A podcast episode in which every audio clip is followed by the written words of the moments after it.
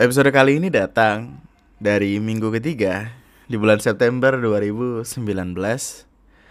Bahasannya adalah tentang kendaraan, lebih tepatnya tentang motor dan mobil.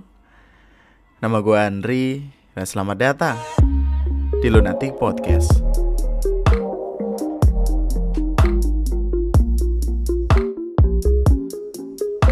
Hai, calon jenazah. Selamat datang kembali di Lunatic Podcast. Balik lagi sama gue Andri dan biarkan gue uh, nemenin waktu lo selama beberapa menit ke depan. Uh, biar biar gue mulai podcast kali ini dengan menanyakan kabar ya, apa kabar? Semoga semuanya baik-baik aja. Semoga semuanya sehat sentosa ya kan selama liburan ini kan gue nge-record juga hari Sabtu jadi besok masih ada minggu nih buat libur-libur gitu buat buat jalan-jalan main sama temen atau main sama mantan atau sama gebetan gitu nggak apa-apa ya buat buat refreshing aja badan capek kan itu lima hari ada yang kerja sekolah ngampus. Bahkan ngampus juga ada yang apa ada yang masuk hari Sabtu ya. Sekolah juga masuk hari Sabtu kan biasa ekskul ekskulan jadi jaga kesehatan. Semoga semuanya baik-baik aja. Ingat semua bakal indah pada waktunya. Kalau belum indah ya berarti itu bukan waktunya, belum waktunya. Uh, biar gua awali obrolan kali ini dengan sebuah misuhan yang sangat amat brengsek. karena karena gua sampai sekarang masih gregetan. Gua tuh gue tuh kan suka suka banget ya ngede ngebacain DM ya. Terus kadang tuh ada beberapa DM yang membuat gue terkekeh-kekeh gitu untuk ngebacanya tuh kayak ada yang nge-DM gue nanya bang. Bang tut akar. Nggak. Bang masa cowok gue hilang-hilangan terus? Gue harus apa ya? Gitu. Ya mana gua tahu itu cowok lu, gue bukan bapaknya, gue bukan maknya gitu. Kenapa lu nanyanya gua? Ya coba tanya diri lu sendiri.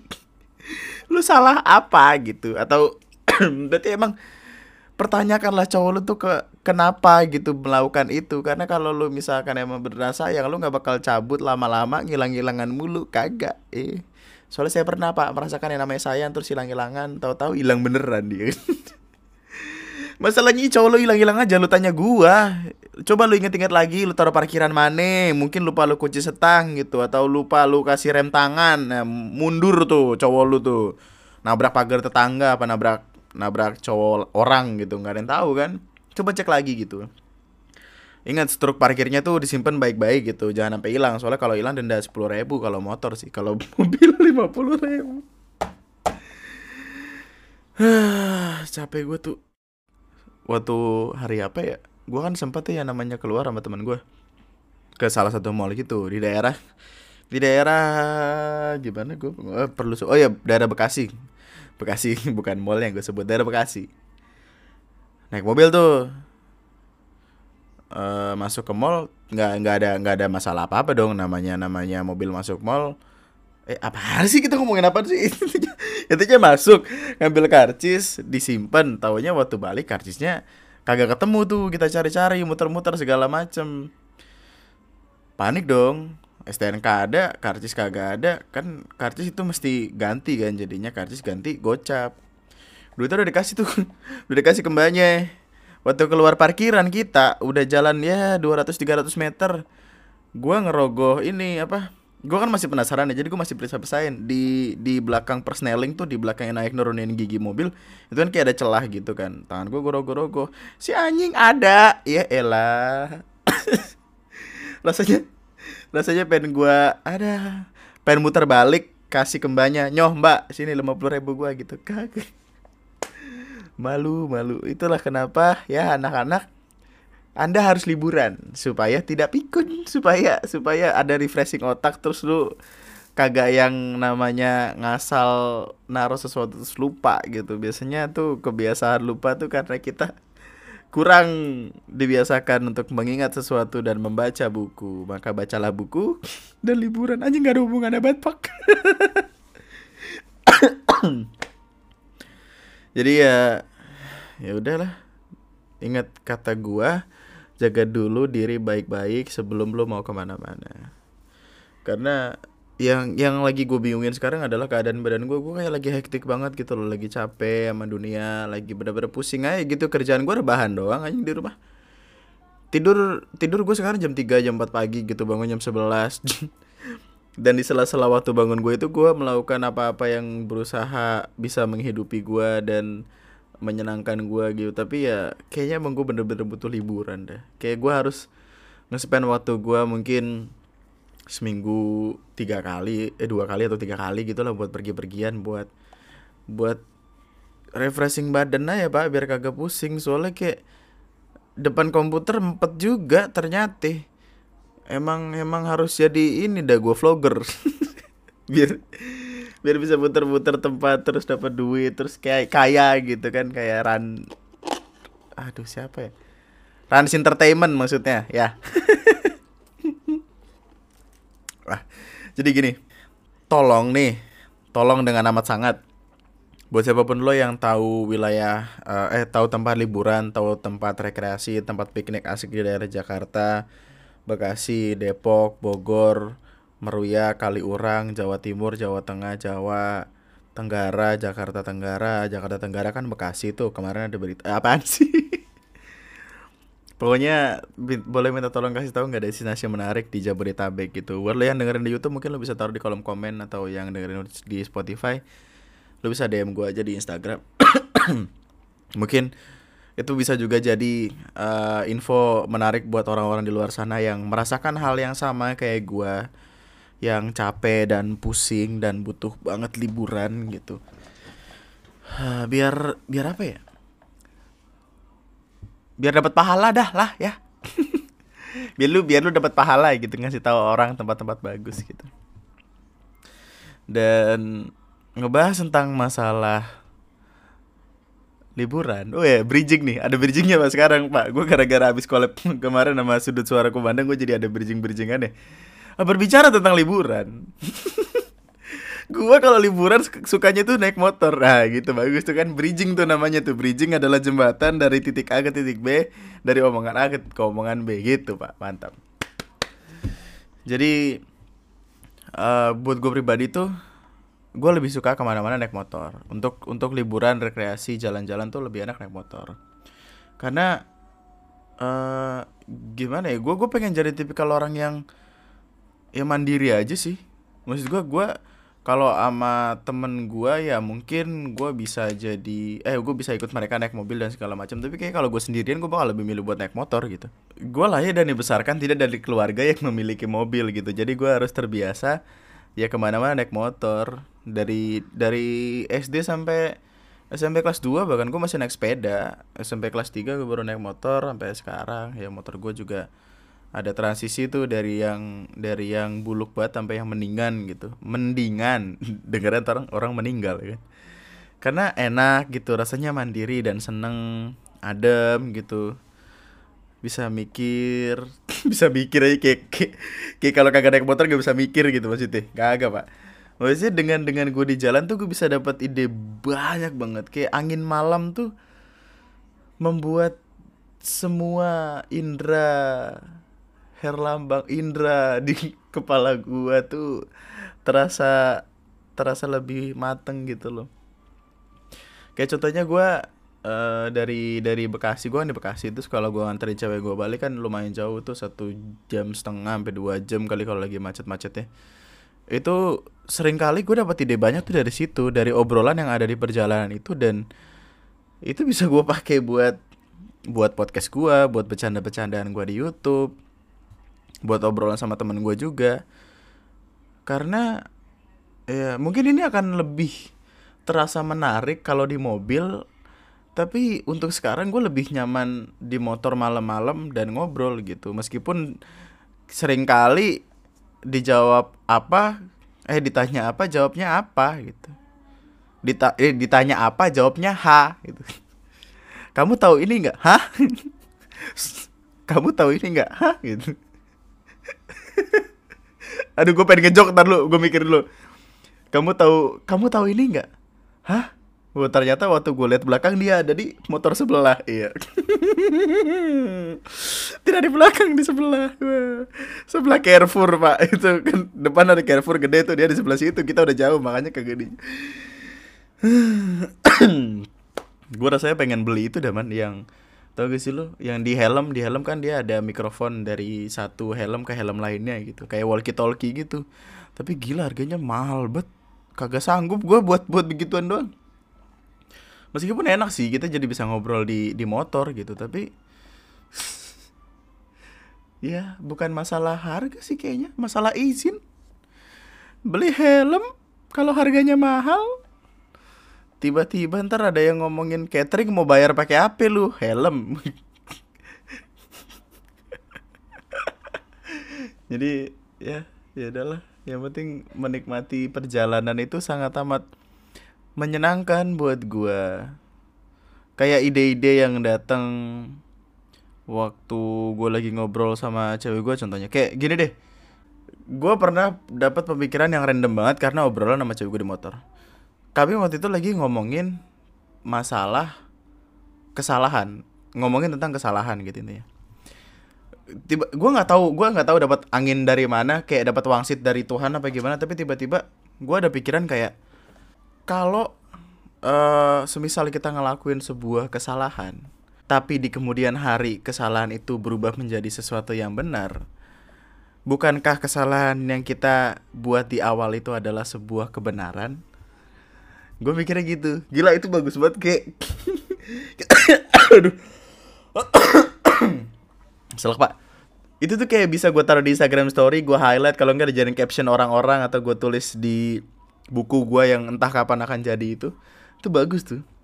Tapi pikiran gue karena gue ada di obrolan sama manusia barbar itu jadi kayak pikiran gue juga makin mengawang-awang ke mana-mana dan dan nggak terfokus ke itu doang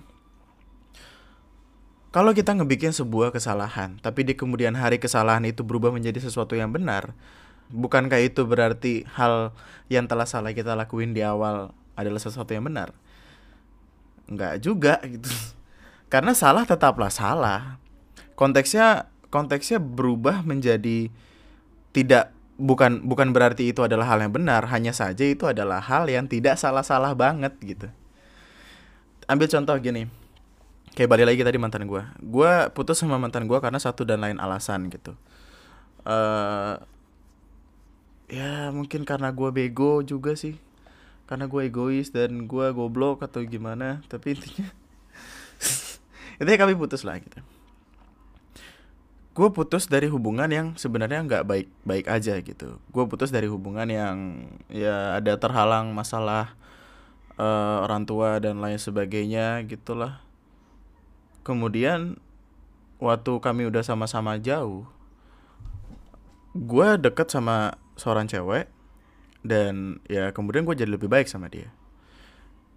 Di sisi lain si mantan gue ini juga ketemu cowok dan cowok itu lebih baik dari gue gitu. Jadi bukankah hal yang kita hal salah yang kita lakuin di awal yaitu putus adalah sesuatu yang benar? Tidak. Itu cuma uh, seharusnya cuma bisa jadi tenang apa apa sih namanya penambah rasa tenang penenang kita doang gitu. Kayak ah kemarin kenapa gue putus sih anjing? Gue nyesel banget bla bla bla gitu. Terus waktu ngelihat uh, waktu ngelihat masa lalu dan masa sekarang kayak perasaan gue hubungannya dulu nggak pernah bener deh berantem mulu segala macem gitu. Dikit dikit baper dikit dikit ngambek gitu. Tapi kok sekarang gue lebih bahagia dia lebih bahagia ya? Wah jadi keputusan buat putus itu nggak nyesel nyesel banget gitu meskipun ya salah tetaplah salah gitu cuma salahnya itu tidak salah salah banget jadi sekarang gue pikirnya gitu apakah itu egois ya Coba ambil contoh lain deh, ambil contoh lain deh. Uh, bokap. Contoh sederhana paling dekat dari diri gue. Bokap cabut dari rumah waktu gue SMP atau SMK gue lupa dah. SM, SMK, SMP. Pokoknya pokoknya bokap cabut dari rumah. Uh, yang mana cabutnya bokap itu ngebawa analogi baru yang cukup menyenangkan untuk gue aplikasiin ke hal-hal lain. If you want something you've never had, you must be willing to do something you've never done. Mungkin waktu itu uh, bokap pengen bebas gitu pengen bebas pengen lepas pengen nggak perlu musingin apa apa lagi dan cara untuk mendapatkan kebebasan itu adalah pergi gitu dia harus ngelakuin sesuatu yang belum pernah dia lakuin sebelumnya. Yaitu cabut dari rumah dan terjadi gitu. Apakah itu salah? Jelas salah banget. Waktu itu gue mikirnya kayak salah banget. Gue bahkan ada di titik di mana gue ngelakuin hal yang nggak seharusnya gue lakuin yaitu ngebenci bokap gue sendiri. Orang yang udah ngelahirin gue gitu. Orang yang udah udah ngebikin cerita banyak sama gue orang yang yang ah, ngebesarin gue dengan rasa kasih sayang yang cukup mungkin. Karena uh, sumpah ini sentimental banget sih tapi yang hal paling mendasar dan sederhana yang paling gue ingat dari bokap adalah ketika bokap nganterin gue sekolah dengan keadaan jalan. Jadi kan waktu itu motor gue tuh masih motor Astrea butut tuh gak sih lu? Astrea butut yang yang yang di sela-sela suaranya kayak miskin, miskin, miskin gitu tuh. itu kan kadang kadang suka mati-matian kan. Jadi kalau kalau mati terus kalau nggak bisa nyala itu biasanya bokap bakal nganterin gue jalan gitu jadi bener-bener dari rumah ke sekolah tuh dianterinnya jalan terus uh, bokap bakal balik lagi gitu terus gitu dan itu sangat amat gue ingat cuma tetap aja gitu pergi itu adalah sebuah hal yang jahat lu cabut dari rumah ninggalin anak bini istri eh anak anak bini istri aja istrinya ada dua. Bukan dong tidak dong. Lu ninggalin anak sama bini demi hal yang lu nggak tahu apa gitu. Itu udah salah banget. Tapi kalau gue ngelihat diri gue yang sekarang dengan dengan apa-apa yang udah gue dapat dengan apa-apa yang udah gue lakuin dengan keputusan-keputusan yang udah berani gue pilih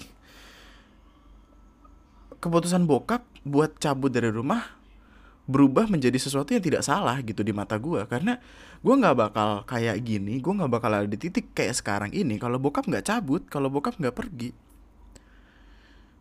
Gue nggak mungkin ngomong di podcast ini. Gue nggak mungkin bikin video di YouTube. Gue nggak mungkin nulis gue nggak mungkin segala macem. Kalau gue nggak ngerasain yang namanya kerasnya hidup yang sampai ngebangun rumah tuh gue dorong dorong ini mana apa dorong dorong dorong dorong gerobak gitu yang isinya tuh kayak apa sih namanya tebing eh tebing apa sih namanya apa sih namanya rontokan rontokan rumah gitu puing tebing aja. Tebing puing puing puing puing rumah gitu dorong dorong buat nguruk tanah terus uh, bantuin yang ngebangun gitu gitu ya kalau gue nggak punya nggak punya mental yang cukup gitu untuk menghadapi itu semua sampai akhirnya ada di titik kayak sekarang ini. Eh kalau gue nggak punya mental yang cukup gue nggak bakal bisa ada di titik kayak sekarang ini dan mental gue itu nggak bakal tumbuh kalau bokap belum cabut mungkin. Dan salah satu hal yang cukup krusial juga kalau bokap nggak cabut rumah bakal selamanya kerasa kayak neraka dan semuanya berakhir di uh, apa-apa yang gue pikirin di awal tadi. Iya bokap salah gitu untuk cabut dari rumah itu adalah hal yang salah. Tapi ketika at the end of the day di hari di hari setelahnya di kemudian hari apa-apa yang beliau tinggalkan itu berubah menjadi sesuatu yang benar yaitu gua dan keluarga gua yang sekarang. Gua nganggapnya kayak bokap ya nggak salah-salah banget gitu. Kayak emang itu udah udah jalannya aja gitu. gue gue selalu suka omongan nyokap tentang apa-apa hal tentang apa pun hal yang salah dari diri gue atau hal yang udah salah gue lakuin atau hal yang udah nggak berhasil gue lakuin. Nyokap cuma bilang kayak ya udah berarti emang itu jalannya gitu.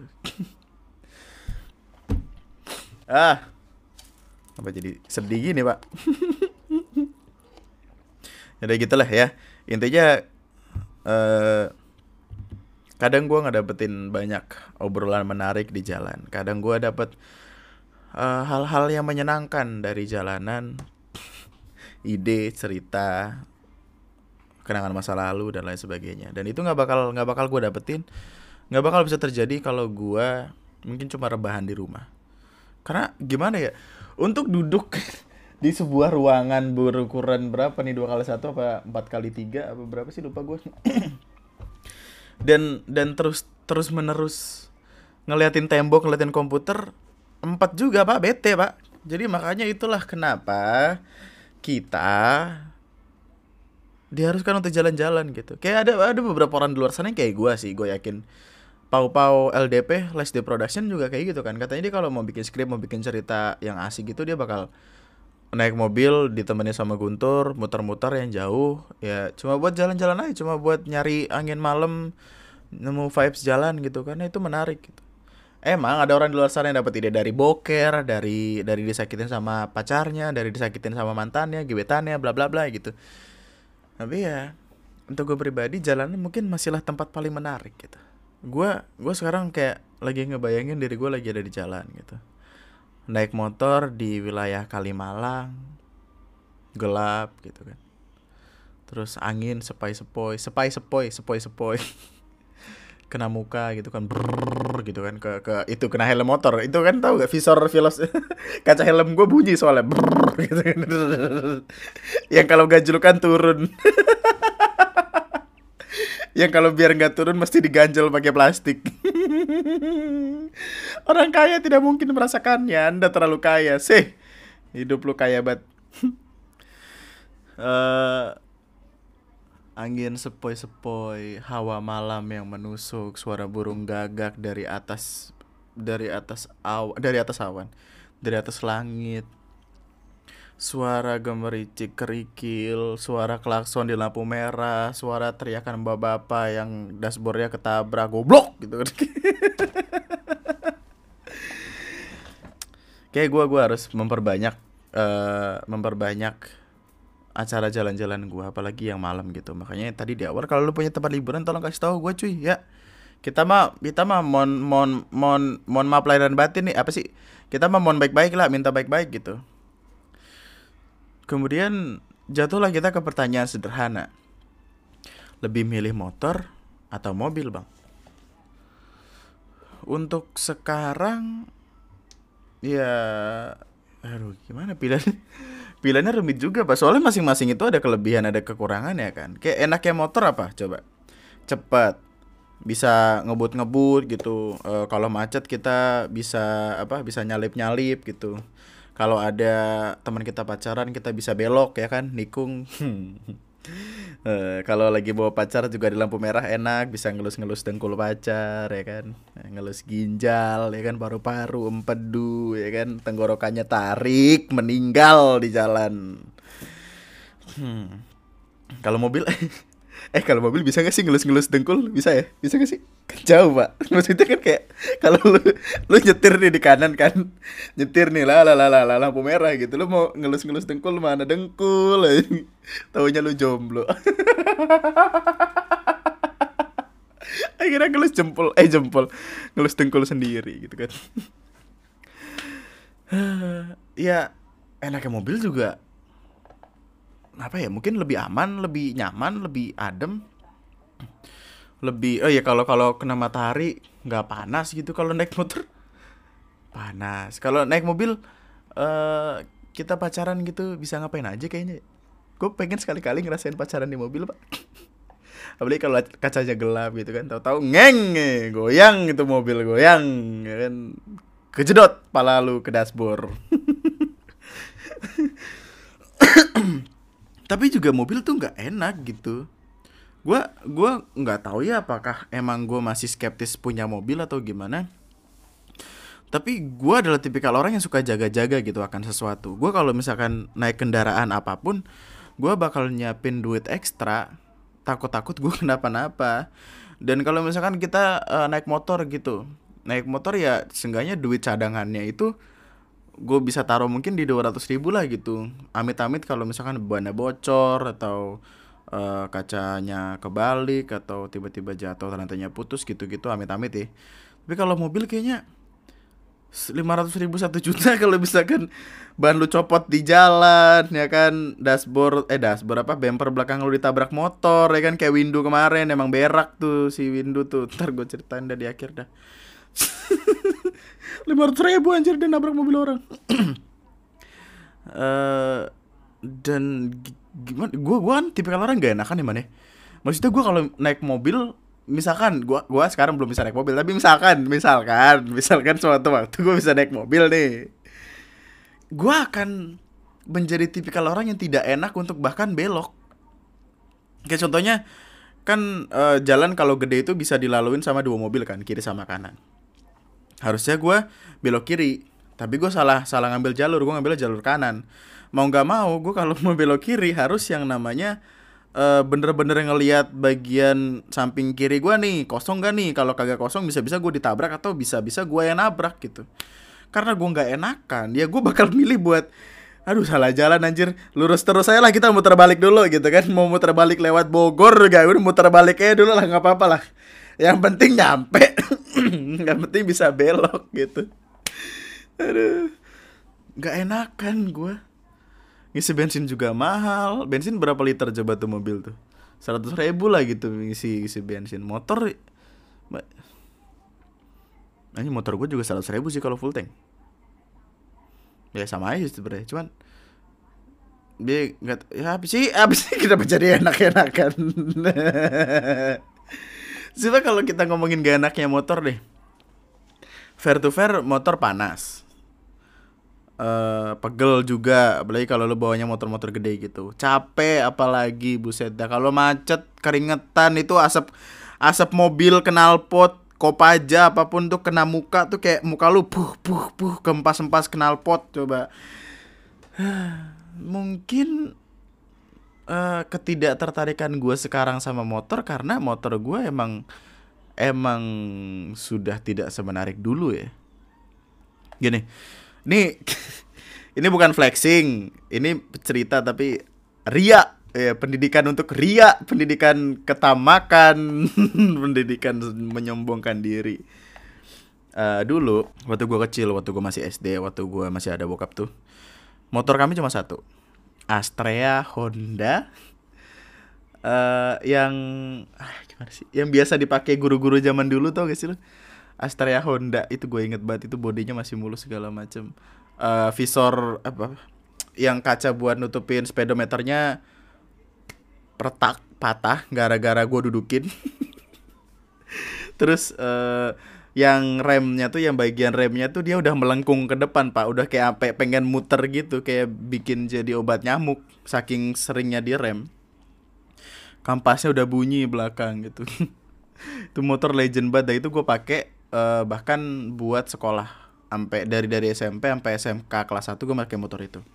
Kemudian karena uh, ekonomi keluarga kemudian membaik, gue akhirnya ganti motor jadi motor Supra X Supra X 125 yang yang ini apa? Yang di bagian palanya tuh bunyi-bunyi mulu, Pak. yang der, der, kalau kita ngegas kenceng der, itunya kayak mm, gitu. Kayak bau, apa bautnya ada yang copot apa gimana kagak tahu tapi semua motor Supra kayak kayak gitu dah. Makanya orang kalau naik motor Supra tuh tangan kanannya digas tangan kirinya tuh megangin ini megangin apa kepalanya biar kagak geter-geter goyang-goyang berisik gitu. Pernah lihat kan? Iya emang Supra begitu kali. Eh tidak ini tidak menjelek-jelekan pak. Ini adalah fakta yang didasari didasari kejadian nyata. Kemudian ekonomi keluarga makin membaik bokap akhirnya beli uh, motor motor cukup gede CB CB 150 yang warna biru putih itu gue inget banget. Terus uh, nah motor gue sekarang kan itu ya CBR CBR 150 yang facelift yang baru tuh. Alasan kenapa gue ngebeli motor gue yang sekarang itu adalah karena satu pengentasan ego. Karena gue pengen tuh sekali-kali punya barang yang gue perjuangkan banget supaya gue sayang gitu Kedua adalah karena ada janji yang gue buat sama bokap waktu itu. Bokap tuh pernah dia uh, itu zaman masih BBM kalau nggak salah sih. BBM atau Facebook gue lupa. Intinya bokap tuh foto di motor uh, pokoknya motor ninja kayaknya ninja dua setengah dan itu tuh bagus banget gagah banget terus gue ngomong sama bokap pak nanti uh, mas bakal beli mobil yang kayak eh beli motor yang kayak gini ya nanti kita balapan berdua. Itu adalah janji yang bocah umur berapa itu? Mungkin 15 atau 16 tahun bilang. Tapi kayaknya akan sangat amat berdosa untuk gua kalau gak gua wujudin gitu. Karena itu adalah janji gua ke bokap gitu. Nanti mas janji mas bakal beli motor kayak gini gitu. Dan kesampaian kan sekarang alhamdulillahnya kesampaian. Meskipun dua tahun gue mesti yang namanya ngegembel. Ya. Hei gaji 5 juta sebulan. Itu udah bersyukur banget pak. Banyak tuh. 2 juta ya buat nyokap lah gitu. 2 juta buat motor. Gua satu juta sebulan. Itu bersyukur sekali. Saking bersyukurnya. Indomie, Indomie, Indomie, Indomie. Setiap bulan harus ada Indomie satu kardus. Kalau tidak, iya itulah. Promah. kalau bisa gue pengen ngunyah promah pakai Indomie. Kalau enggak bumbu Indomie gue simpen simpenin tuh biar gue bisa ngunyah ngunyah promah aja. Tapi ya uh, perjuangan sih. Maksudnya itu itu emang kalau orang ngeliat gue kayak lu goblok sih lu duit pas-pasan kredit motor segitu banyak ya karena lu nggak tahu cerita gue gimana man gitu lu nggak tahu ada ada seberapa eh lu lu nggak tahu seberapa mahal sentimental value dari motor itu itu motor meskipun kan kalau makin lama motor harganya makin turun kan meskipun ada degradasi harga gue bakal kayak yang ya udah bakal gue simpen terus gitu karena emang itu adalah salah satu cita-cita gue, salah satu janji gue. Dan keren aja bangsat, lu nggak tahu ya? Eh, lu belum aja ngeber-geber di depan mantan lu, ngeng ngeng ngeng. Mantan lu sama cowoknya naik itu apa? Beat. gue nggak tahu gue nggak tahu kenapa di Twitter beat di di hujat-hujat parah padahal beat bagus beat mantap oke okay. beat adalah motor kita semua nanti adek gue itu gue beliin beat buat sekolah Jilat aja pak terus pak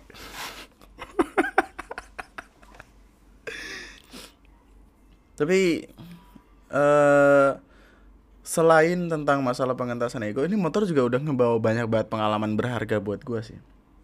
Banyak cerita masa lalu yang udah terjadi dari motor ini. Gue pernah yang namanya Pacaran sama cewek terus orang tuanya gak suka Dan ya putus. Nggak sukanya adalah karena gue punya motor gede. Dikira gue trek-trekan dikira gue itu anak liar dikira gue boy anjing boy hey hey bapak kalau bapak dengerin podcast ini sekarang sadar pak. Emang boy doang yang boleh punya motor begini. Astagfirullahaladzim ya Allah. Ya Allah emosi beneran. Soalnya waktu itu gue bit Aduh. Pak ini sedih sih sumpah. Jemput kan biasa malam minggu ABG ya kan? Lah lah lah lah aku ingin menjemput gitu. Naik motor di udah udah itu pakai sarung tangan pakai helm. Helmnya full face yang berapa eh mahal lah itu. Itu demi demi buat ngapel doang tuh. Kagak sih buat touring tapi ya udah gitu. Ngapel nih ya kan? Assalamualaikum gitu. pak uh, nya ada gitu. Uh, uh, ini namanya uh, uh. uh, nya ada. Bapaknya tuh lagi lagi apa ya? Lagi viwit viwitin itu burung. Apa sih? Piwit piwitin ya itulah pokoknya ada burung digantung di atas tuh kayak eh cicak gitu mah anjing. Piwit piwit gitu. Mainan burung lah pokoknya lah. Terus bapaknya langsung nengok ke gue iya bener-bener tipikal bapak-bapak man. Maksudnya kumisan pakai kaos kutang pakai sarung. Itu jam berapa? Setengah tuh jam tujuan lah pokoknya. Martabak udah gue pegang tangan kiri pak. Martabak tangan kiri bokapnya tuh langsung nyamperin ke pagar ngeliatin gua ngeliatin gua dari atas ke bawah ngeliatin motor gua kemudian pagarnya dikunci. Pak, eh kan kita nih, kita da deh datang baik-baik nih kita nih maksudnya nih kan ini martabak nih tangan kiri nih ya. Nih, martabak nih tangan ngeng-ngeng motor mahal.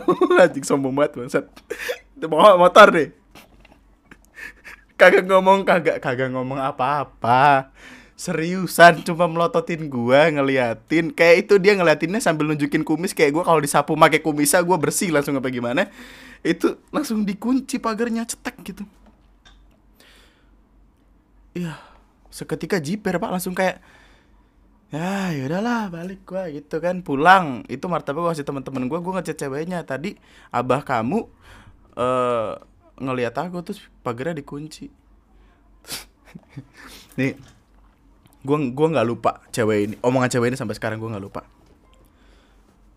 Oh iya Andri, gitu. Biasanya dia manggil gue Mas, tiba-tiba jadi Indri.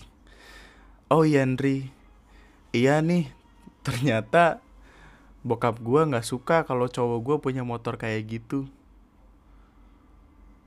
Gue tanya dong, kenapa? Iya soalnya bokap gue takut gue diajak trek-trekan Soalnya gue pernah jatuh dari motor terus gue masuk got Hubungannya apa? Gua apa sekarang masih bete denger alasannya Maksudnya kan kalau anak lu nyebur ke got ya emang anak lu aja itu suruh belajar motor lagi bapak Kan Mana sih? Ya, ya udahlah gitulah. Maksudnya juga kita baru dekat cuman berapa bulan sih ya udahlah gak apa-apa lah gitu. Gak apa-apa ya udah biar gue nyebur got sendirian aja ntar. Ye mantap. Aduh. Itu.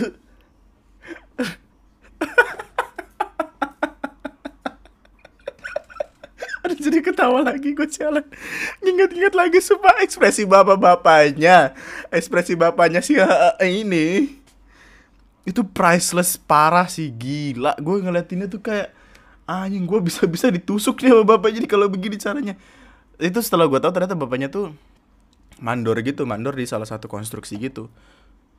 Terus gue kayak udah lah udah nggak lagi lagi lah. Ya gue kalau ngapal cewek udah pakai motor gue yang yang lain lah. Kalau gue minjem gue nyewa nyewa motor lah nggak apa-apa. Uh, terus kejadian di Bandung juga tuh itu kan gue pakai motor yang itu kan Gue ke Bandung dua kali naik motor itu. Yang pertama gue sendiri, yang kedua gue sama Windu.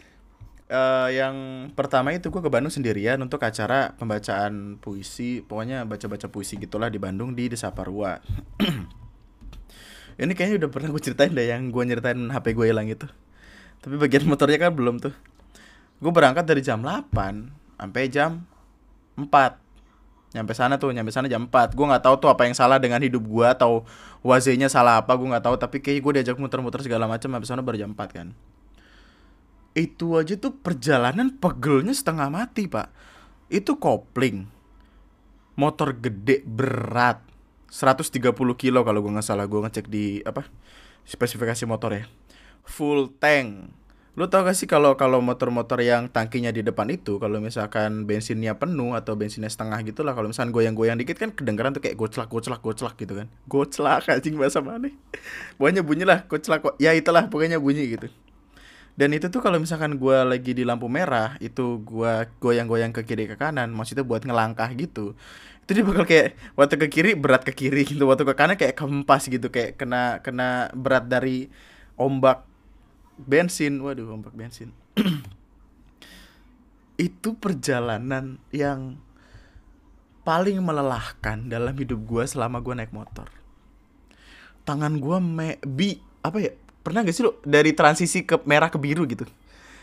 Kan kalau misalkan e, naik motor gede itu selalu disaranin sama dulu atasan gue manajer gue itu kan dulu motor gede juga tuh. Harus pakai sarung tangan. Kemarin salahnya gue waktu ke Bandung itu uh, waktu yang adegan adegan HP hilang sarung tangan gue ketinggalan sarung tangan gue ketinggalan di Indomaret itu. Ya udah jadi selanjutnya tuh gue nggak pakai sarung tangan udah tangan gue begitu aja dah gitu. Naik motor ngeng ngeng ngeng gitu. Tahu-tahu sampai desa Parua itu gue berarti berarti berapa kali padahal. Udah kelihatan kayak darahnya ngumpul di di telapak tangan man. Jadi kayak ada kayak ada apa bekas setang gitu bekas cetakan setang itu aduh capek parah sih sumpah. Berapa jam coba dari jam 8 sampai jam 4 tuh? Gue sampai gue nyari tempat rebahan. Gue sampai rebahan di di depannya desa Parwa kan kayak ada kayak ada tempat lari gitulah. Tempat lari atau tempat main bola apa gitu tempat olahraga. Gue rebahan di pinggir-pinggiran yang buat nonton nih. Saking capeknya. Udah kan nyampe Bandung uh, terus ada acara baca-baca puisi segala macem nyanyi-nyanyi juga jam setengah sebelasan mungkin itu selesai lah. Jam jam sepuluh ya. Pokoknya pokoknya selesai gue makan nasi goreng dulu sama teman-teman baru gue tuh. Dan gue diajak buat nginep di uh, Indomaret. Sampai tidur tiduran gue di sofa Indomaret cuma buat cuma buat nenangin pala doang gitu. Karena pikiran gue adalah gue nggak sempet yang namanya uh, pesan hotel. Gue nggak punya temen juga waktu itu di Bandung sebenarnya waktu itu ditawarin sih sama uh, salah satu teman gue ini. Dia penyanyi gitu pelangi sandu namanya Mustakim shout out to Akim sebenarnya dia nawarin gue buat uh, numpang tidur di rumahnya gitu. Tapi karena gue nggak enak ya maksudnya orang yang pertama kali baru banget kenal gitu tahu-tahu diajak nginep gitu nggak enak aja. Akhirnya ya udah ke Indomaret diajakin temen gue yang lain gitu. Dia pacaran pacaran di Indomaret yang bagian atas kan kayak ada sofa-sofaan gitu buat duduk-duduk. 24 jam soalnya. Rebahan di situ rebahannya juga nggak rebahan sih pak. Maksudnya duduk tapi nyender ke belakang gitu. Kayak gue biasanya kan di kantor tidurnya kayak gitu tidur duduk yang nyender ke belakang gitu. Uh, setelah kurang lebih kayak setengah jam sejam sejam setengah nggak tahu lupa gue pokoknya gue nggak terlalu lama di situ. Akhirnya gue mutusin buat balik. Karena pikir gue adalah anjing nih mumpung mumpung malam nih sepi pasti kan. Terus uh, seenggaknya kalau gue nyampe rumah minggu gue masih bisa istirahat. Soalnya senin gue masih kerja cuy. Senin gue masih kerja sabtu gue berangkat. Uh, minggunya tuh gue bingung gitu menentukan apa gue nginep dulu ya atau langsung pulang. Tapi kalau langsung pulang capek. Tapi kalau nggak nginep eh ya kalau tapi kalau nginep dulu nanti kelamaan gitu. Senin gue malah nambah kecapean gitu gitu loh. Akhirnya dengan dengan otak gue yang tidak seberapa ini gue mutusin buat yang kayak oh ya udahlah balik aja akhirnya jam satuan gitu jam satuan gue jalan dari daerah Dago kalau nggak salah dari daerah Dago. Gue ngikutin maps gitu. Mapsnya tuh kayak kayak berak tuh gak saking jauhnya tuh mapsnya bahkan cuma ngomong kayak uh, ikuti jalan ini selama 25 km gitu. Dalam apa? Lurus terus sejauh 25 km gitu gitu. Lurus terus jauh 30 kilo gitu. Hanya sejauh itu kagak belok kiri belok kanan kagak ngikutin jalan aja. Dan itu tuh gue nyampe daerah Purwakarta sekitar jam setengah tiga atau jam tiga gitu atau jam 2an lupa gue pokoknya itu dini hari lah. Sepi sekali tentunya tidak ada orang meskipun itu malam minggu. Bener-bener jalan tuh kayak motor satu sebiji dua biji pak motor jadi biji ya kan? Anjing mantap ya pokoknya motor tuh sebiji dua biji gitu di jalan. Gue di situ nggak takut sama set eh iya waktu itu gue nggak takut sama setan. Gue takutnya sama begal. Demi apa pun gue deg-degan setengah mati. Kalau misalkan ada orang yang tiba-tiba ngebut dari belakang. Jadi sengebut-ngebutnya uh, gua atau sengebut intinya gua harus lebih ngebut daripada orang yang mau nyalip gua dari belakang waktu di daerah dekat SD mana gitu gue lupa gue nggak tahu gue ngapalin jalan jauh banget pas pokoknya. Itu ada ada kayak belokan ke kanan. Sebelum belokan ini gue jauh sebelum belokan itu gue udah ngebut tuh udah 70 80 makanya gue cepat nyampe rumah bisa jam setengah enaman karena gue ngebut-ngebutan di jalan kayak orang bego saking takutnya. Itu gue udah ngebut tuh 70-an lah gitu di jalanan yang emang ya cukup bagus lah konturnya Kemudian masuk jalanan yang agak-agak gerinjil-gerinjil gitu, agak-agak rusak. Dari arah belakang tiba-tiba ada motor, metik gitu. Ngebut.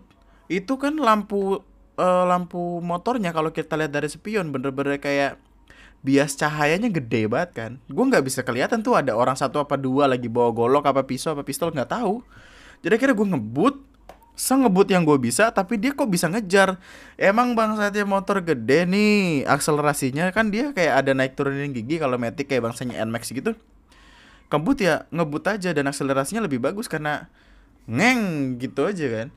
Gua nih waktu waktu si motor ini udah deket langsung yang namanya ngerem. Ngerem bener-bener ngerem senggaknya uh, orang yang lewat ini kalau misalkan dia ada niatan jahat gitu amit-amit waktu itu dia bakal kayak ngelos gitu loh molos jadi kayak dia ngeng jauh ke depan gitu sedangkan gue mundur gitu.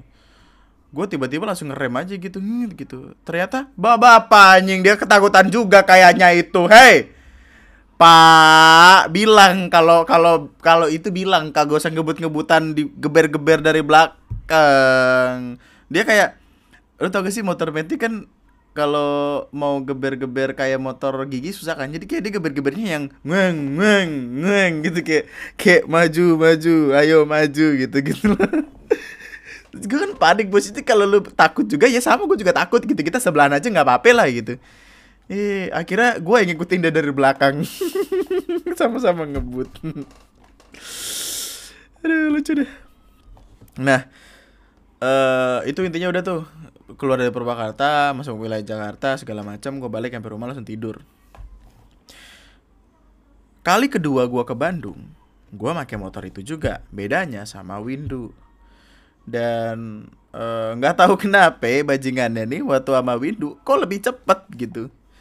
Jadi waktu sama Windu tuh berangkat berangkat jam sepuluhan gitu nyampe sono jam 3 atau jam 4 yang penting eh intinya tuh belum belum asar kayaknya deh waktu itu lupa gue intinya tuh lebih cepat gitu gue nggak tahu kenapa. Mungkin karena emang udah jalan apal jalannya atau emang udah jalannya emang udah jalannya aja. Tuhan maunya begitu gitu bagaimana nggak tahu. Dan di situ gue baru sadar kalau ternyata jok belakang motor gede itu rasanya lebih sakit untuk duduk di sana daripada jok pengemudinya kalau lo tau gak sih motor-motor bangsanya CBR, GSX, R15, R25 gitu-gitu lah. Motor-motor sport gitu. Sekelas itu. Uh, dudukan dudukan si yang bonceng itu kayak cuman seuprit kayak cut gitu doang. Apa sih gimana gue gimana sih? skripsi ini biar bagus maksudnya kayak cuma kecil di belakang gitu doang lah duduknya kayak kayak suprit gitu dan itu ternyata yang ngebikin sakit justru malah lebih enak duduk di bangku pengemudi. Nah, itu juga yang jadi masalah sama Windu soalnya di bangku pengemudi uh, kami malah jadi rebutan. Jadi rebutan kayak, "Man, udah gua aja yang bawa. Udah lu aja yang eh, udah gua aja yang bawa, nggak usah deh lu capek udah lu duduknya di belakang. Kagak udah gua aja gitu." Kita rebutan siapa yang bisa jadi pengemudi supaya nggak pegel kan, supaya nggak capek pulangnya gue udah ngomong sama Windu nih kayak dia capek atau gimana? Gue nggak paham apa pusing apa banyak cicilan nggak tahu lah. Pokoknya itu dia kayak nggak fokus apa gimana atau emang gara-gara motor gue aja brengsek nggak tahu. Gue udah ngomong mana udah gue aja yang bawa gitu pulangnya. Soalnya emang uh, kayak bakal lebih nyaman kayak gitu.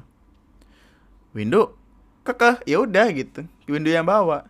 Waktu mau masuk arah uh, Karawang arah Karawang turun nih kita ada kayak turunan dari flyover gitu. Di depannya ternyata ada mobil. Gue nggak tahu tiba-tiba berhenti atau gimana. Windu dengan PD-nya tetap mengebut. Terus dia ngerem kayak susah gitu. Ini FYI nih buat lo yang pengen beli motor gede. Motor gede itu kayak kalau mau lu rem remnya tuh harus lu kocok gitu. Maksudnya lu nggak nggak yang lu tekan gitu terus tapi kayak tekan lepas tekan lepas tekan lepas gitu depan belakang. Jadi kayak biar makin pakem. Gue nggak tahu ini bener atau salah kalau salah bisa koreksi tapi gue sependengaran gue kayak gitu dari orang-orang. Dan itu tuh tidak bisa berhenti. Akhirnya brak nabrak bumper mobil orang mobil Avanza peseninya lupa gua. Patah. Windu lu motor gede kan di depannya ada tangki kan. Windu tuh sampai sampai bijinya ngegesek tangki ngek gitu ke depan. Gua ada nama, namanya di belakang pak. Teori fisika. Kalau ada sebuah benda melaju dengan kecepatan tinggi tiba-tiba menabrak sesuatu tentu apa pun yang ada di atas benda yang menabrak tadi akan melaju ke depan ya. Windu udah kegencet bijinya kegencet tangki kegencet gua. Oh, habis itu biji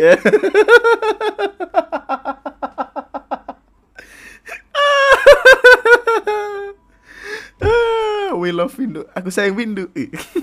Kalau dia tidak bego. Aduh, cinta banget gue. Kira patah lah. Rusak dah tuh uh, bumper orang, bumper mobil orang. Jadi kayak ya udahlah, nabrak. Uh, untungnya sih bapak-bapak ini tidak tidak yang tahu-tahu emosi gitu. Jadi dia minggir. Karena motor gue juga emang agak sedikit penyok bagian apa sih namanya? plat nomornya plat nomornya juga jadi agak sedikit penyok karena nabrak minggir lah tuh kami. Mobilnya dulu minggir kan terus kayak kami ngikutin minggir. Waktu dilihat bener-bener bagian yang kami tabrak tuh yang masih nempel sama mur dia nyangkut. Yang bagian kirinya ng ngondoy pak. Apa sih? Gimana sih? Ng ah, ah, copot lah jatuh ke bawah gitu kan keseret.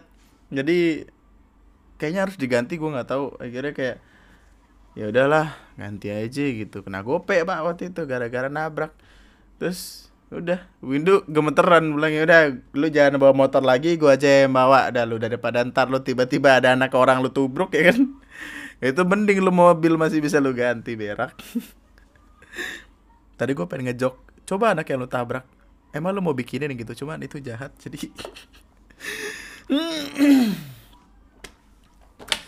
dan ya tapi untuk sekarang untuk sekarang ini gue lebih masih prefer ke motor sih karena gue bisa menjadi pribadi yang lebih banyak ide kalau gue ada di motor. Kayaknya kalau gue ada di mobil gue bakal fokus mengendarai mobil dah tanpa bisa yang semeleng itu. Bukan meleng sih maksudnya bisa berimajinasi liar gitu.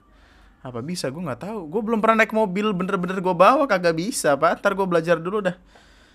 Ya sebenarnya ini komparasi juga tidak berguna sih karena gue juga belum pernah bawa mobil emang salah lu emang udah salah. Aja hidup lu baca eh dengerin podcast gue salah hidup lu. Sono berbakti kepada orang tua atau lu temenin Tom Samcong no nyari kitab suci baru. Biar temenan sama Son Gokong lu. Ngebandingin motor sama mobil tapi belum pernah naik mobil. Ya bego. Eh gue pernah naik mobil naik grab. Gojek. Enakan. Enakan gojek apa grab pak ada ya begitulah ya pokoknya. Mungkin mungkin lu bisa tambahin gue di kolom komentar apakah lu lebih uh, memilih motor atau mobil. Apakah lu lebih pengen buat ya namanya jalan-jalan jauh naik motor atau mobil? Karena itu kan tentang balik lagi tentang masalah kenyamanan masalah hobi juga bisa dibilang atau ya referensi pemakaian kali lo lebih enak naik motor apa mobil gitu? Tulis saja mungkin uh, nantinya kalau lo pengen punya mobil dan lo lebih prefer buat uh, naik mobil ke mana-mana ya siapa tahu nanti ada yang ngasih lo mobil gratis gitu. Atau mungkin tiba-tiba Tuhan kayak ngasih wah dia butuh mobil gratis mau dari langit turun mobil ke rumah lu mampus lu punya mobil nggak punya rumah miskin lu tidur di mobil sono lu minta yang aneh-aneh sih lu lagian. Nggak pinter-pinter udah gede lu emosi. Emosi sih bapak. Udah ya oke mari kita melanjutkan kegiatan baca-baca email karena sudah lama juga tidak membaca email dari para pecinta pecinta lunatic podcast. Dari uh, oh dia namanya Mas Andri gua Mari. Ah oh nah oh ya nama uh, panggilannya Mary. Namanya Mary panggilannya Mary. Ya bagus sih. Makasih lo infonya lo berguna banget kok. Yeah. Mas Andri gue Mary panggilannya Mary. Uh, eh, gue pengen cerita nih. Jadi kan gue sekarang kelas 10 ya Allah adek di kelas 10 ini cuma ada kelas 1 kelas IPS di kelas gue ada anak baru kayak murid-murid pada umumnya udah masuk dua minggu. Di kelas gue ada anak baru kayak murid-murid pada umumnya udah masuk dua minggu dia baru seminggu. Oh ya ya ya. Oke. Habis itu kayak gue kan sering ngegibah sama temen-temen gue cuman bertiga sih sama gue. Terus dahal gue bukan gibahin tuh cowok anak baru itu. Btw anak barunya udah punya pacar kakel terus selama seminggu ke belakang ini gue merasa diliatin gitu anjing sama dia. Kayak gue kan awalnya gak mau ger tapi gue ternyata ke uh, ke eh tapi gue tanya ke teman gibah gue weh weh si demi apa sih lu nggak manggil temen lu weh weh? Temen lu punya nama kasih dia nama. Bapaknya itu ngelahirin dia pakai nama kagak pakai weh weh. Tidak mungkin dia lahir dan dibesarkan. Dipanggil tetangga tetangganya weh mari weh. Weh weh. Weh emang, emang berak lu ya. Sekolah lu yang bener lu. Jangan putus sekolah lu. Rusak lu ntar lu. Emang. Weh weh. Bete gue weh weh. Si A liatin gue atau perasaan gue doang sih? Teman gue bilang iya mer. Si A liatin lu. Kayak gue kayak gue sendiri merasa risih sih sebenarnya walaupun dia ganteng emang mau mauan aja lo Tadi dulu ini kok fotonya kayak cowok sih dia apa jangan jangan dia cowok Hah? Oh cewek pak Ya Allah Astagfirullahaladzim ya Allah jauhkanlah hamba dari dari kenegatifan ini ya Allah. Terus kan tadi gue mau ambil kabel proyektor di depannya dia. Temennya bilang ke si A, we siapa lagi sih we anjing we itu pacar lu depan lu gitu terus si A bilang iya pacar gue Dahal gue aja kagak deket gitu sama dia kayak aneh banget. Oh jadi jadi lu kayak uh, ngambil kabel nih depannya si si Bambang gini nih gitu lu ngambil kabel terus temennya ngeliat kayak uh, woi Bambang itu tadi lewat depan lu pacar lu. Terus ah bukan bukan. Oh iya apaan sih ah? Woi itu tadi pacar lu di depan lu. Terus si Bambangnya bilang iya itu pacar gue gitu. Nah lu kayak apaan sih? Gue deket sama lu juga kagak? Nah gitu. Intinya apa yang harus gue lakuin mas? Help me gue risi diliatin. Gue pengen bilang ngapain lu liatin gue tapi takut gitu. Takut dia ngelak kayak orang gue kagak liatin lu gitu. Anda mau asabah diri? Jangan kegeeran hidup anda. Temani saja teman-teman anda yang bernama weh weh weh itu dan jauhi si bambang ya oke sadar diri jangan jangan pede pede amat anda. Aduh. Nggak tau pak gue gue lagi lagi emosi banget nih sekarang nih hidup hidup hidup akhir-akhir ini tuh kayak mau marah-marah aja bawaannya ya kan? Pede aja lu weh weh gitu. Siapa sih orang namanya weh weh goblok deh bapaknya kesian anjing udah ngasih nama susah-susah. Weh weh weh weh. eh.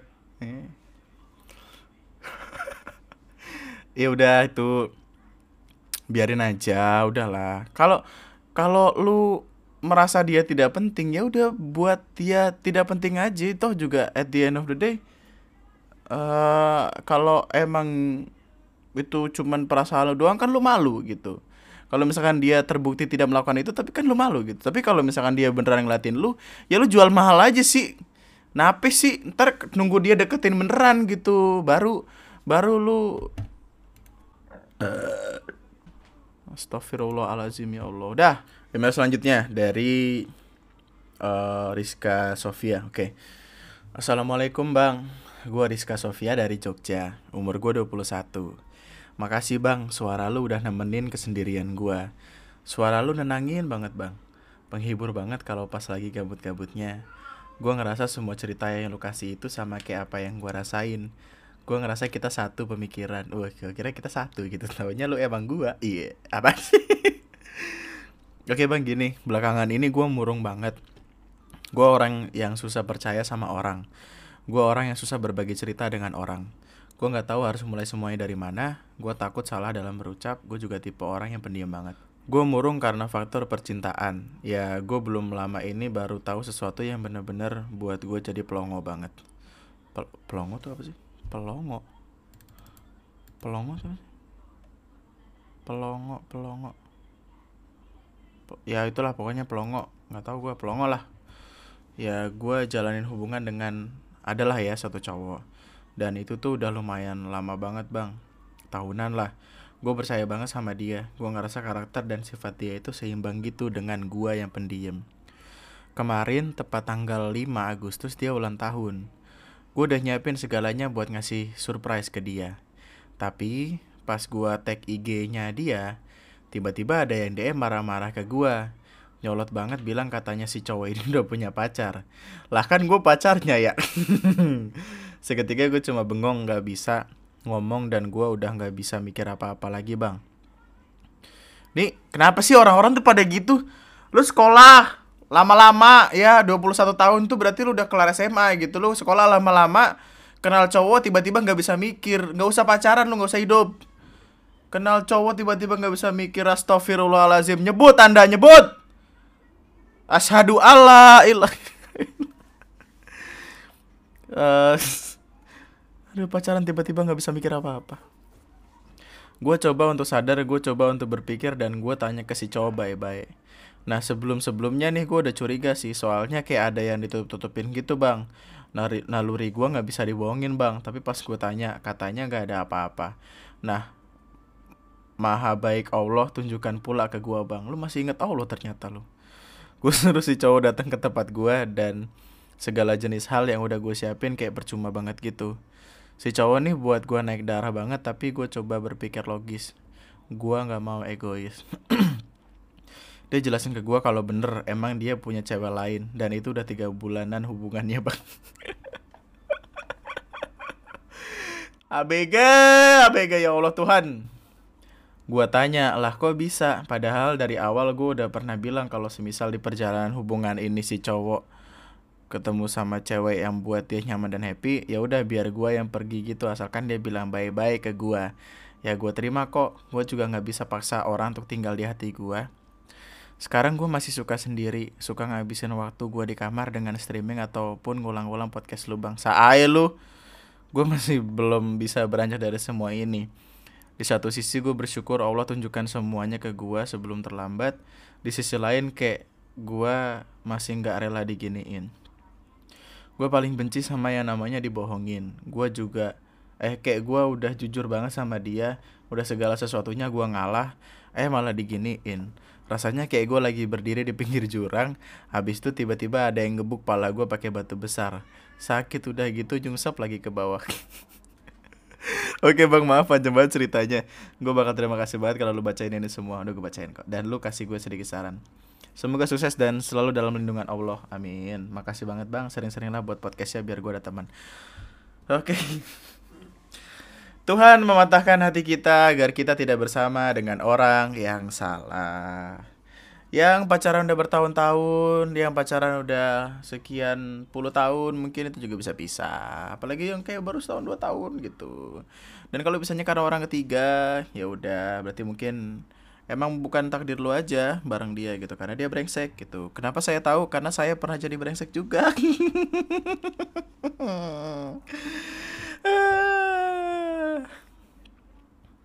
Tapi gini, uh, eh ini bagus nih buat gue balikin ke omongan gue tadi sebuah kesalahan bukan berarti akan selamanya menjadi benar-benar hal yang salah. Coba lihat beberapa bulan ke depan, apakah lu bakal lebih bahagia dengan orang baru yang lu temuin dan orang baru yang dia temuin juga atau enggak? Kalau emang lu lebih baik sama orang lain, ya emang takdir Tuhan aja yang ngebawa ke situ gitu. Ingat omongan nyokap gue gitu.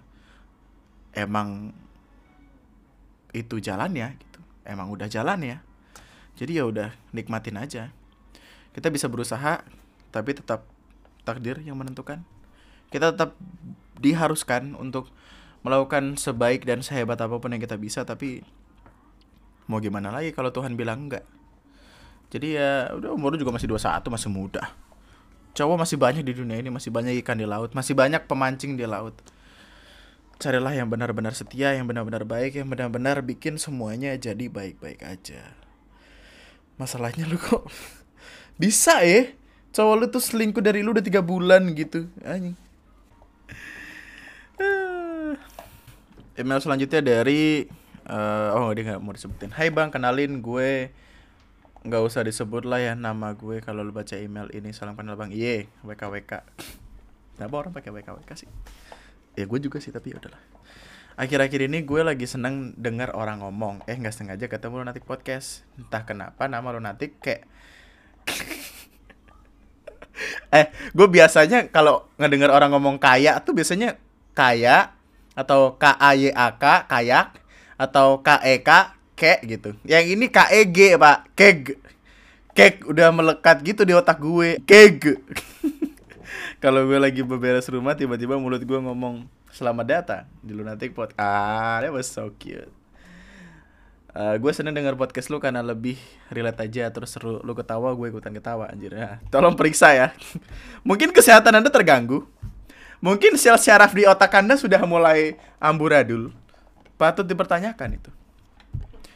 Bener-bener bisa buat mood balik lagi apalagi pas cerita pengalaman pertama naik pesawat. Demi sengakak itu sampai nangis gue. Iya, gue seneng nih oh ya btw gue pengen cerita jadi gue sekarang lagi ada di masa yang orang bilang friend zone oh, gue punya temen cowok awalnya dia baik layaknya temen awalnya dia baik layaknya temen ya bukan teman baik ya. Gue punya temen cowok awalnya dia baik layaknya temen ya kan dia temen apaan sih lu? Kayak lu salah bergaul dah. Tolong kurang-kurangin mabok sagon, banyak-banyakin itu tahajud. Selalu bantuin gue ini dan itu. Banyak hal deh pokoknya. Dan gue pun nyaman-nyaman aja temenan sama dia. Terus makin ke sini gue ngerasa dia suka sama gue uh pede amat loh banyak yang menguatkan opini gue kalau dia suka sama gue kayak misalnya gue nggak balas chat dia agak lama dia pasti sibuk cari gue sana sini. Mungkin anda uh, belum bayar uang itu uang kas ya. Mungkin itu dia lagi tugas ya. Tolong tolong tidak usah pede-pede tolong. Sadar sadar. Kita sebagai manusia memang wajib hukumnya untuk berusaha tapi sadar sadar sejujurnya gue agak risih bang dengan sikap dia kayak gitu. Anjing kayak kayak gitu. Gue udah coba pelan-pelan ngejauh tapi tetap aja dicari. Hmm kenapa gue mencoba kenapa gue mencoba untuk menjauh? Karena ya gue nggak mau sampai dicapek HP padahal ya dari awal gue cuman nyaman sebagai temennya. Nggak ada rasa apa pun. Terus sekarang gue bingung harus gimana bang gue lagi pengen sendiri gue lagi asik sama dunia gue sendiri.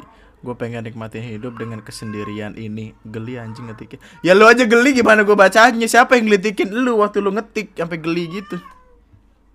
Karena sejujurnya gue introvert jadi lebih nyaman sendiri aja gitu. Apalagi sekarang gue lagi senang denger lunatic podcast. So pasti buat gue makin pengen sendiri gak ada gangguan terus rebahan kasus sampai tiru denger suara lu.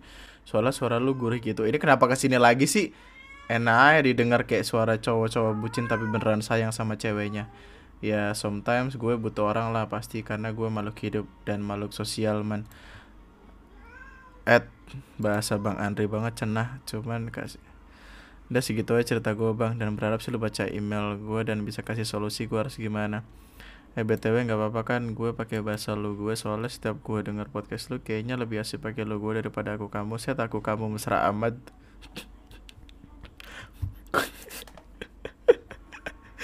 gue berharap sama Allah Subhanahu Wa Taala semoga lu selalu dikasih kesehatan. Amin ya Allah, amin. Butuh banget nih gue.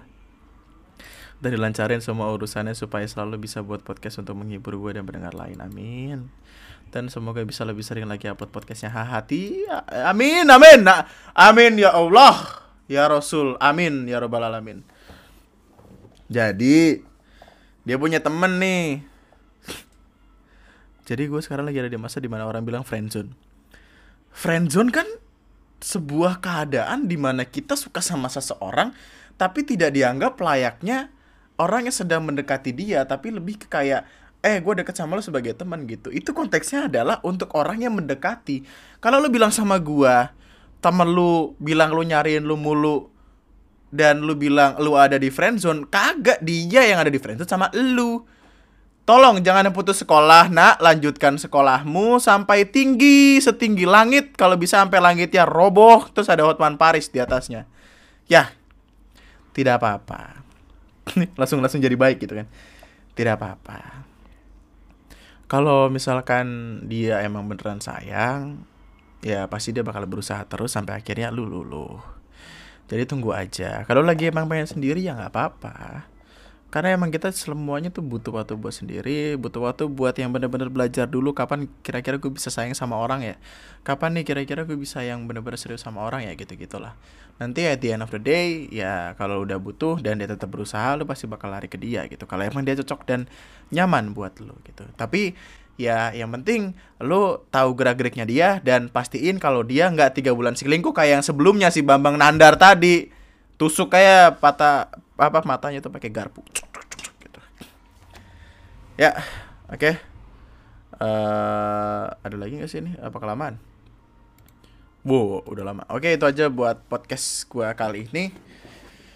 Uh, subscribe kalau lo masih mau dengerin gua ngomong di TNM uh, Lo nanti podcast ada di TNM YouTube channel TNM uh, Subscribe aja, like, jangan lupa. Gue kayak kayak itu youtuber. Buat lo yang dengerin gue di Spotify, Anchor.com, Google Podcast, Apple Podcast, apa pun itu Klik follow aja, ikutin gue Supaya nanti misalkan gue update lo gak ketinggalan. Karena gue jadi random banget nguploadnya. Uh, Follow sosial media gue di @lunatictwister Itu Instagram, Twitter, @lunatictwister uh, Apa lagi ya? Kemarin gue banyak perasaan omongan kayak gini. Oh iya buat lo yang pengen kirimin gue email-email kayak gini ada kontak personnya di description bawah atau kalau nggak mau sulit dengerin aja nih n e w r h i i at gmail.com dah oke mantap itu aja buat podcast gue kali ini nama gue Andri sekian dan